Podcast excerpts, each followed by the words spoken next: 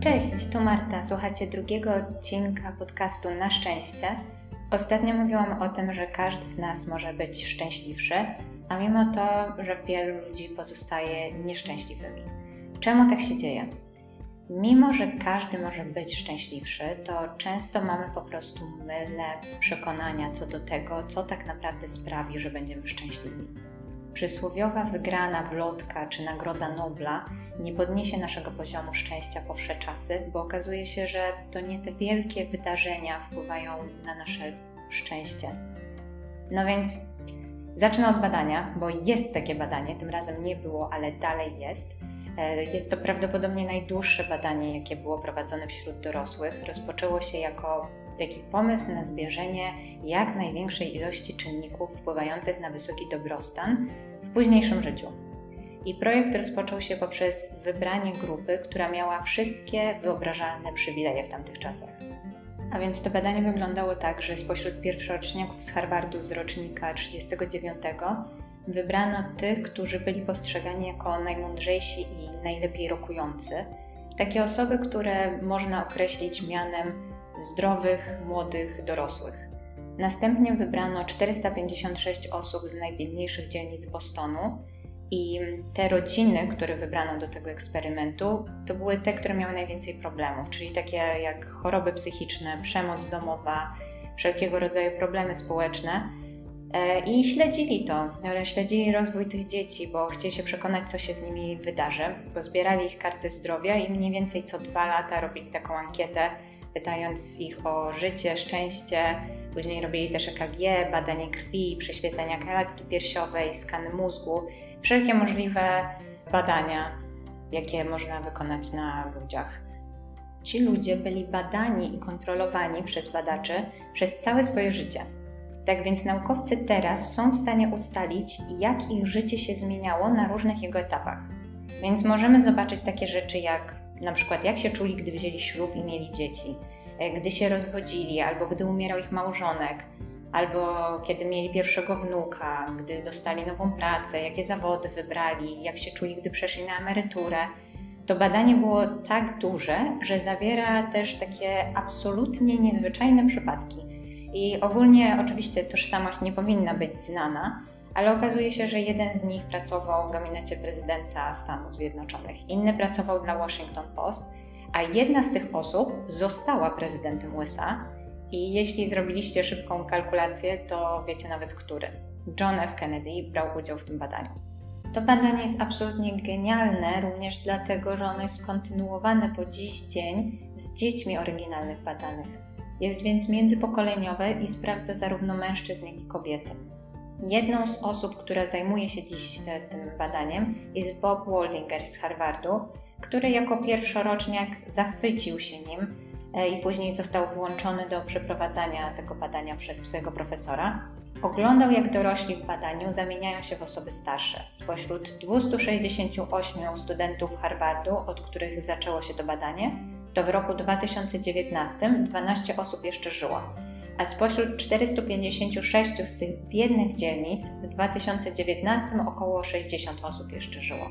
A więc jakie są wnioski z tego badania? Niektóre są zupełnie oczywiste, na przykład palenie definitywnie ci szkodzi. W tym badaniu wyszło, że miało naprawdę opłakane skutki. Drugą rzeczą był alkoholizm, który był tragiczny i jest tragiczny nie tylko dla dobrostanu, ale wpływa na zdrowie, umiera się wcześniej, rozbija też małżeństwa, rodziny, niszczy pracę, karierę, więc w tym zakresie żadnych niespodzianek. To, co zaskoczyło naukowców, to były te wszystkie rzeczy, o których My na co dzień myślimy, że mogą nas uszczęśliwić, a tak się nie dzieje. Bogactwo nie sprawia, że ludzie są szczęśliwi. Zaspokojenie swoich potrzeb materialnych sprawia, że jesteśmy szczęśliwi. Ale w momencie, w którym dojdziemy już do tego punktu, w którym te potrzeby są zaspokojone zupełnie, robienie większej ilości pieniędzy nie podnosi już naszego szczęścia. Drugą rzeczą było osiąganie więcej w pracy. Okazuje się, że nikt na łożu śmierci nie żałuje, że nie spędził więcej czasu w biurze. Osoby badane, będące u krańcu swojego życia, były najdumniejsze z takich rzeczy jak założenie rodziny, wychowanie zdrowych dzieci, silna relacja z partnerem, uczenie wnuków żeglowania nie mówili o pracy, o tym, co w niej osiągnęli, czy ile pieniędzy zarobili.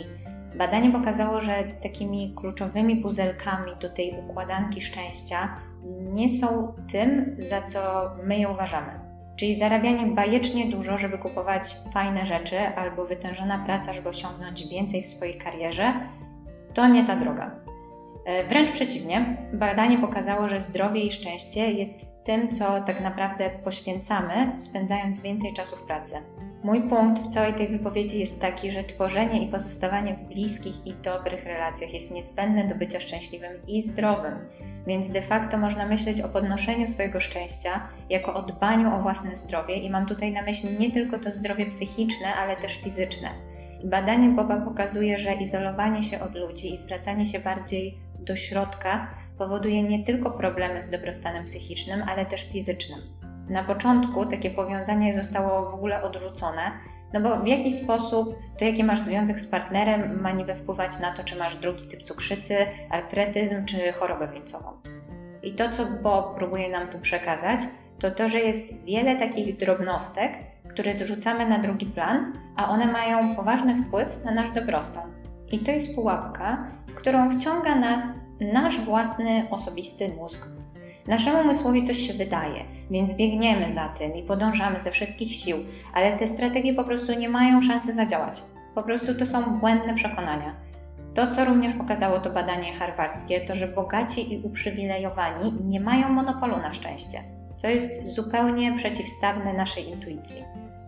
Oczywiście rzeczy, o których mówię, kieruję do zwyczajnych osób, które żyją sobie swoim życiem. Jeżeli ktoś mieszka w Afryce i nie ma dostępu do wody i jedzenia, albo na terenie, na którym jest aktualnie wojna, no to rzeczywiście ciężko mu będzie zmienić swoje środowisko i położenie, ale jeżeli mu się uda, to ten skok w dobrostanie i życiu zmieni się niewyobrażalnie. Ale zgaduję, że osoby, które mnie słuchają, nie są w tak skrajnie dramatycznej sytuacji. Oczywiście to nie znaczy, że jesteśmy w idealnej sytuacji i powinniśmy siedzieć jak mysz pod miotłą i się nie wychylać. Zdecydowana większość osób ma mniejsze bądź większe rzeczy, które chce zmienić w swoim życiu i bardzo dobrze. Rzecz w tym, że często zmieniamy nie te rzeczy, które powinniśmy, żeby stać się rzeczywiście szczęśliwi. My jako ludzie mamy tendencję do myślenia: będę szczęśliwy kiedy, albo będę szczęśliwy jak, jak wezmę ślub, jak wyprowadzę się do jakiegoś konkretnego miejsca, jak dostanę tę konkretną pracę, jak dostanę się na ten, a nie inny uniwersytet, jak skończę studia, albo jak w moim przypadku, jak zrobię szpagat. No niestety, mimo że znam wyniki tych badań, to i tak mnie to dotyczy. W każdym razie przekonanie, że szczęście możemy osiągnąć tylko poprzez określone zarobki albo jakieś zmiany w naszym życiu jest w pewnym sensie dla nas naturalne, to jest zakorzenione w naszej naturze, że szukamy ulepszeń i zmian, ale to nie jest dokładnie ta droga, którą mamy iść. Więc dobra wiadomość jest taka, że możesz stać się szczęśliwszy bez całkowitej zmiany wszystkiego wokół.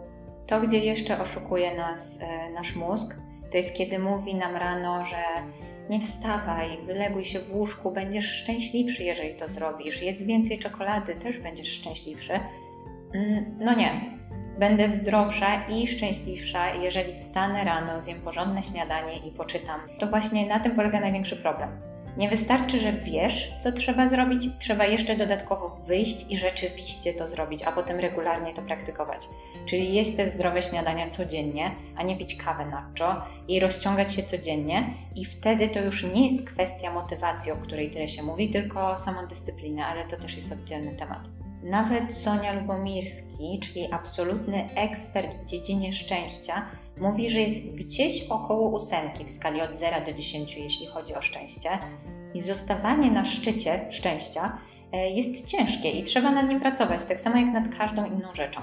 I Sonia podaje tutaj taki przykład, że często na przykład e, spotykamy się z kimś albo w grupie i super się bawimy. I wszyscy mówią, o czemu nie robimy tego częściej, a potem kolejne spotkanie jest znowu za rok, Boże Narodzenie. E, więc wiemy, co nas uszczęśliwia tak naprawdę, ale po prostu tego nie robimy.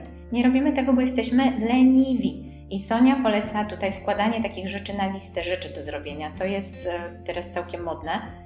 E, super by było, gdyby można było sobie nakumulować takie szczęście i mieć je na później, spotkać się na przykład ze znajomym raz, a potem być już po prostu szczęśliwym na tym polu, ale to tak nie działa. Dlatego Sonia podkreśla, że nie ma czegoś takiego jak szczęście w 5 minut. Internet i pisma dla kobiet kłamią. tak samo jak każdy inny życiowy cel, który chcemy osiągnąć, potrzebujemy na niego czasu i pracy. Nie stajesz się szczęśliwy w 5 minut we wtorek po południu. To jest taka trochę misja na życie. I to jest to, co Sonia Lubomirski poleca. Żeby ten cel osiągnąć, to na przykład tworzyć dobre nawyki, które zostaną z Tobą do końca życia. Czyli jednym słowem, jednym zdaniem może, nie ma szybkiej drogi do szczęścia, ale nauka pokazuje, że ta droga ogólnie jest. Ona gdzieś tam istnieje, musisz tylko zainwestować w nią czas i wysiłek. Tak więc Sonia, zarówno jak i inni psychologowie i naukowcy opracowali różne strategie, jak podwyższać sobie poziom szczęścia i będę o nich mówić w kolejnych odcinkach. Sonia skupia się na przykład na wdzięczności i życzliwości, czyli takich nawykach z sekcji powiedzmy prospołecznej. E, strategie są naprawdę różne, bo według badań możemy porozmawiać z nieznajomym na ulicy albo skupić się na relacjach z naszymi bliskimi i to będzie wpływało na nasze samopoczucie w dłuższej perspektywie. Możemy popróbować zminimalizować ilość ciężkich decyzji podejmowanych codziennie.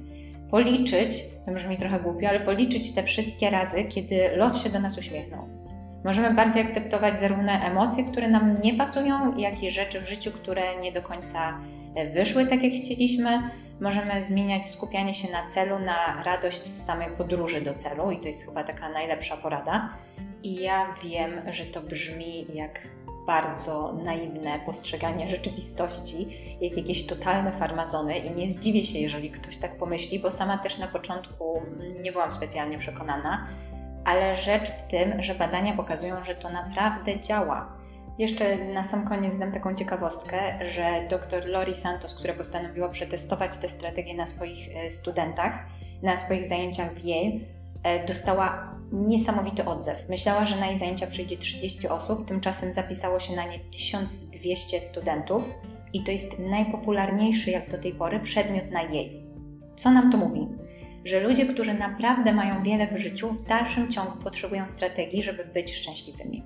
I tą ciekawostką żegnam się z Wami.